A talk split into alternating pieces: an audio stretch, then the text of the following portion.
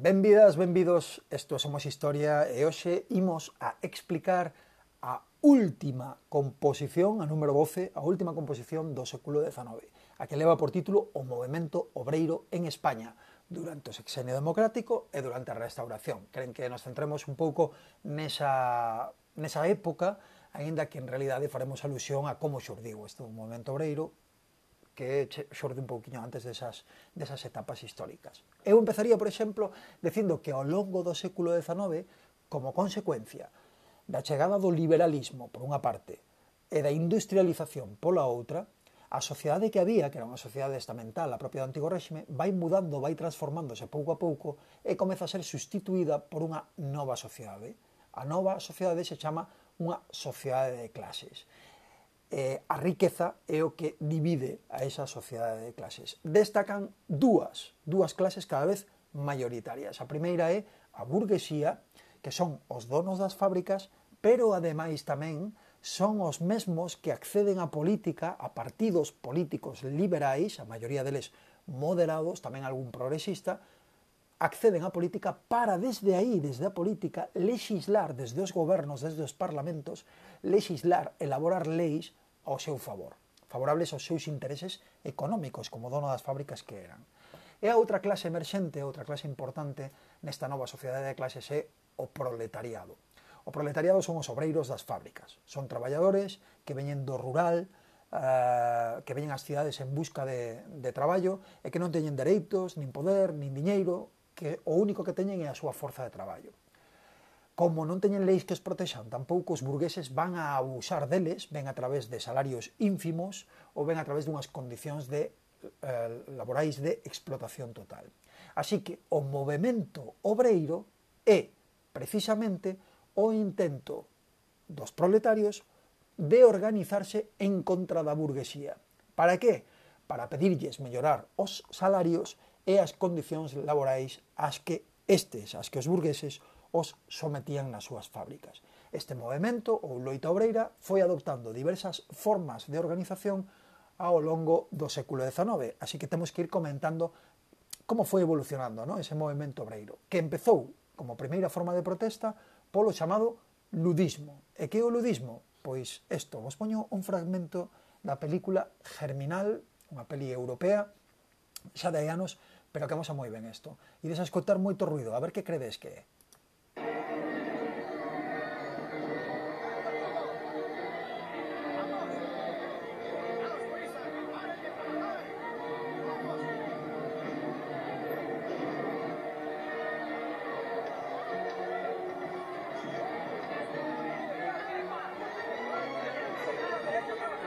Bueno, non estades vendo, se o virais, veríais unha masa enfervorecida de, de enfurecida de obreiros que están asaltando eh, neste caso unhas minas, non unha fábrica, para destruíla por completo, como forma de protesta. Polo tanto, que era o ludismo?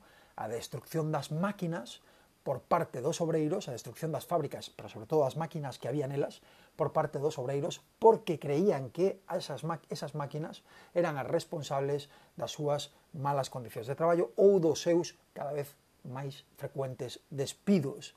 Destacan en España como episodios luditas dous. Bueno, para nós que estamos en Galicia, dous. O primeiro vai a ser o incendio da fábrica Bonaplata. Recordade que esta era unha fábrica textil que había en Cataluña, a primeira que trouxera a España a máquina de vapor Pois aí o incendio da fábrica Bonaplata en 1835, pouco despois de traer esta máquina de vapor, é o primeiro exemplo que podemos mencionar. O segundo, por estar aquí en Galicia, sería o das cigarreiras da fábrica de tabacos da Coruña, que nun capítulo ludita autóctono de aquí de Galicia, pois tiran as máquinas ao mar no ano un pouco máis tarde, no ano 1857.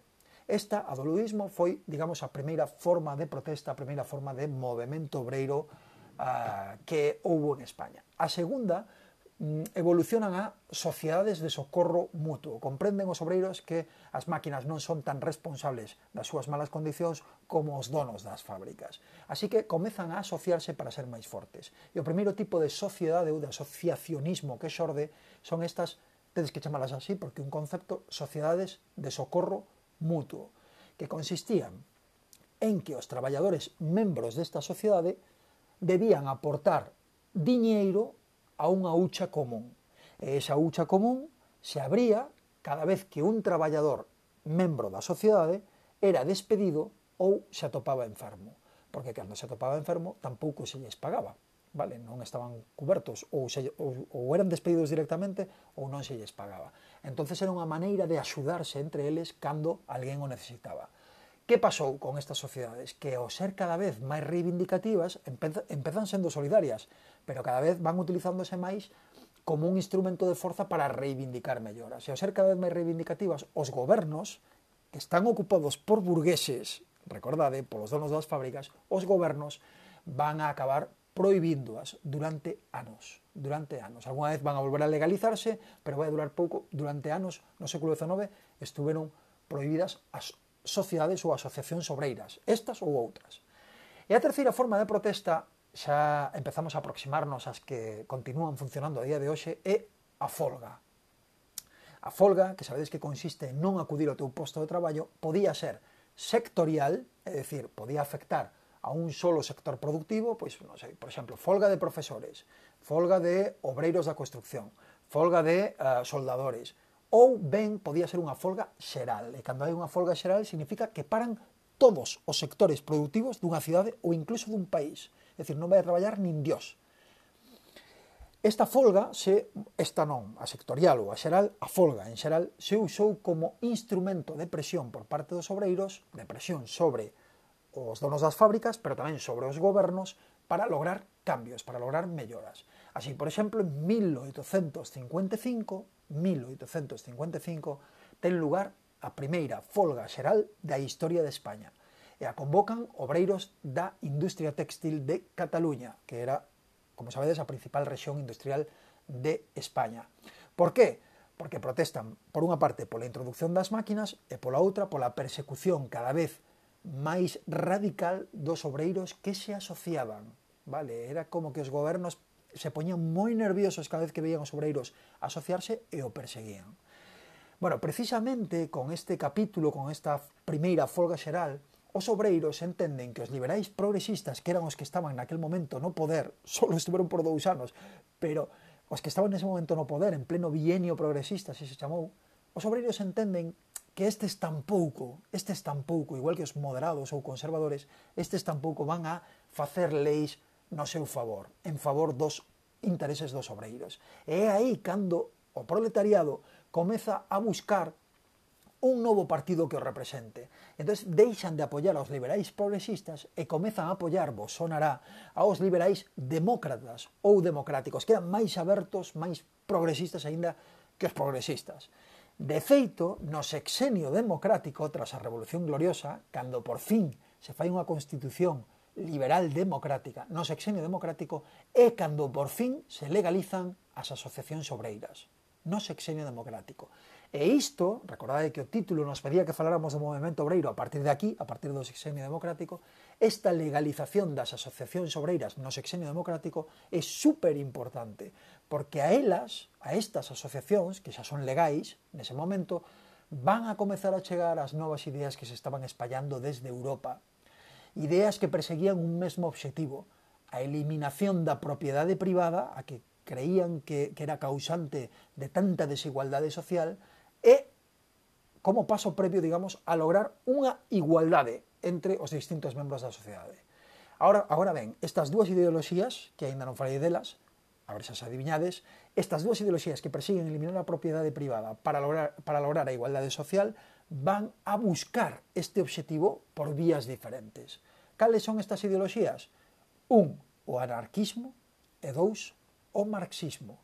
Este último acabará evolucionando a, un terce, a unha terceira vía, o socialismo. Vamos a abordalas por separado. O anarquismo defendía que para lograr a igualdade social a, a mellor vía posible era ou a folga xeral revolucionaria ou os sindicatos para agrupar os obreiros ou directamente a violencia terrorista. Non tiñan eh, problema en recurrir ao terrorismo, aos atentados, ah, para lograr a destrucción total do Estado ou de calquera tipo de autoridade. E unha vez destruído o Estado e calquera tipo de autoridade, era cando a sociedade debía pasar a organizarse en comunas que debían autogobernarse sen necesidade de ningún tipo de lei, nin de autoridade simplemente mediante acordos, mediante pactos puntuais entre os membros desa sociedade e, por suposto, sen propiedade privada. Vale? Eso é o que querían os anarquistas. En 1868, en 1868, ano no que empeza o sexenio democrático, en o que se legalizan as asociacións obreiras, chega de feito a España un anarquista italiano, un tal Fanelli, para crear unha sección anarquista en España. E esta ideoloxía, difundida por Fanelli en España, vai a ter máis éxito, sobre todo, entre os obreiros cataláns, o sea, que en Cataluña, e entre os xornaleiros andaluces, os agricultores a, que non tiñan propiedade e que eran contratados día a día polos grandes propietarios andaluces. Aí, en Andalucía e Cataluña, é onde o anarquismo o vai a petar, vai a pegar máis forte. De feito, remato xa, en 1910 xorde en Cataluña o primeiro sindicato anarquista de España, ou polo menos o sindicato anarquista máis coñecido de España que é a CNT, Confederación Nacional de Traballadores.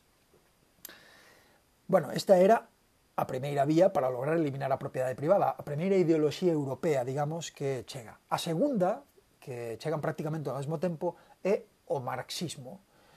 O marxismo quería mm, lograr esa eliminación da propiedade privada, esa igualdade social, uh, mediante a utilización de sindicatos, igual que o anarquismo, ou de partidos políticos, aquí xa é unha diferencia porque o anarquismo non creía na política, ou de partidos políticos, o marxismo, obreiros, que representen aos intereses dos obreiros. Para que? Para que con eles, cos obreiros agrupados aí en sindicatos e partidos, por medio da revolución, dunha revolución como por exemplo a revolución rusa, por medio dunha revolución, chegar ao goberno e unha vez feitos co goberno, instaurar, implantar no país unha dictadura do proletariado, na que se expropien todos os medios de producción privados, é dicir, as grandes empresas privadas, se lle quiten aos seus donos e pasen a ser propiedade do Estado, que distribúa os beneficios e os traballos entre a sociedade para que sexa absolutamente igualitaria. Isto é o que perseguía o marxismo. Así, en 1879, estamos en plena restauración borbónica, un tipógrafo, un obreiro dunha imprenta, digamos, chamado Pablo Iglesias, vos sonará, pero non é o mismo evidentemente, un tipógrafo chamado Pablo Iglesias funda en Madrid nun bar que todavía existe ao lado da Porta do Sol, desde onde dan as campanadas, isto non o digades no exame, por favor, funda de maneira clandestina en Madrid o Partido Socialista Obreiro Español, o PSOE. Un tal Pablo Iglesias funda o PSOE. Curioso, verdad? E en 1888, tamén en plena restauración, un pouco despois, funda un sindicato afín a ese partido. Digamos que un sindicato unido ao, ao Partido Socialista Obreiro Español, que é UGT, Unión General de Trabajadores. Os dous existen todavía, así que estamos eh, estudando a raíz da política e dos sindicatos que existen hoxe en día. Un pouquiño máis adiante, xa rematei co marxismo, un pouquiño máis adiante eh, este marxismo vai a acabar evolucionando ao socialismo. O socialismo aposta por participar na democracia, non hai problema se chegamos a iso que queremos esa igualdade por medio da revolución. Pero por que, por que non utilizar a democracia tamén? Por que non utilizar os nosos partidos obreiros para participar en democracia por medio dos votos, conquistar os parlamentos sen necesidade de revolución? E aí comezar a reformar a sociedade ata conseguir que sexa igualitaria. Ben, pois eso era o que propoñía o socialismo, vale? Unha evolución do marxismo un pouquiño menos revolucionaria e máis partidaria, pois eso, de entrar en política pola vía da democracia. Precisamente, Pablo Iglesias, o fundador do PSOE, vai a ser en España o primeiro deputado socialista, o primeiro que consiga entrar no Parlamento por medio dos votos, é Pablo Iglesias e o consegue en 1910 rompendo por primeira vez o sistema de quenda, toda a corrupción e todo o fraude electoral que había que montara Cánovas, todo ese sistema de quenda no que só salían o Partido Conservador ou o Liberal, ningún máis entraba aí no Parlamento, é roto por primeira vez en 1910, cando Pablo Iglesias, do PSOE, consegue un escaño gracias ao voto urbano da cidade de Barcelona, sobre todo. Vale, xa sabedes que era moito máis difícil de controlar o voto nas cidades por parte dos caciques que colaboraban no sistema de quendas que nas aldeas, obviamente, non? Bueno, entonces anarquismo, marxismo e socialismo, estas tres novas ideoloxías que chegan de Europa e que representaban os intereses dos proletarios e dos campesiños, estas novas ideoloxías, digo, puxeron moi moi nerviosos aos gobernos que basicamente estaban integrados por burgueses, pensade nos gobernos da restauración borbónica, Partido Conservador de Cánovas, Partido Liberal de Sagasta. Ambos viñan a representar sobre todo a unha clase social, que era a burguesía. Ben, pois, Estes gobernos se van a poñer moi nerviosos con este movimento revolucionario, con esta ideoloxía tan revolucionaria que defende os intereses dos proletarios e campesiños e van a tratar de ilegalizar estas ideoloxías, estes partidos e estes sindicatos. Pero pese a isto, pese a estes intentos de ilegalización ou de represión, e pese ás diferenzas ideolóxicas que había tamén entre eles, entre anarquistas e marxistas, que chegan a levarse mal, CNT, é dicir, o sindicato anarquista, e UGT, o sindicato socialista, vanse unir en 1917, seguimos en plena restauración, para organizar xuntos unha folga xeral revolucionaria, para parar por completo todas as fábricas do país, inspirados pola Revolución Rusa que se deu precisamente ese mesmo ano e con un único obxectivo, que é o de rematar dunha vez por todas co turnismo, co fraude electoral e lograr tamén, eso sí, de paso, melloras, como sempre, que era o que pedían, nas súas condicións de traballo. Vale? Que pasou con esta folga? Que foi reprimida durísimamente polo exército, durísimamente, vale? houve execucións incluso, durísimamente polo exército e, eh, bueno, eh, non logrou o seu propósito, pero sí que podemos decir que uh, foron logrando a base de folgas, a base de asociacións, a base de, de toda esta loita obreira que acabamos de comentar, foron logrando uh, reformas pouco a pouco aprobadas por, los, por distintos gobernos que uh, todavía son dereitos que temos hoxe en día. Por exemplo, o descanso dominical que se aproba, fixadevos, en 1904, ou, por exemplo, a protección laboral para mulleres e nenos, que se aproba en 1900, ou, por exemplo, a xornada laboral de 8 horas, que se aproba en 1919, todavía estamos en plena restauración, ou o dereito ao retiro obreiro, a xubilación dos obreiros, en 1921. Todos son dereitos que gozamos hoxendía e que foron posibles gracias a este movimento obreiro que costou vidas, sufrimento, bueno, non o podes imaginar.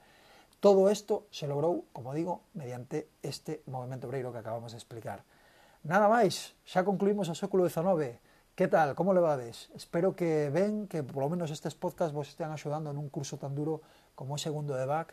Eh, bueno, en todo caso, contade conmigo para calquera pregunta podes contactar a través dunha mensaxe privada en arroba Miguel Abraira, todo xunto, no meu Instagram ou senón a través do correo miguelabreira.edu.xunta.es. Nada máis, moita sorte, moito ánimo, queda pouco, así que a por ela,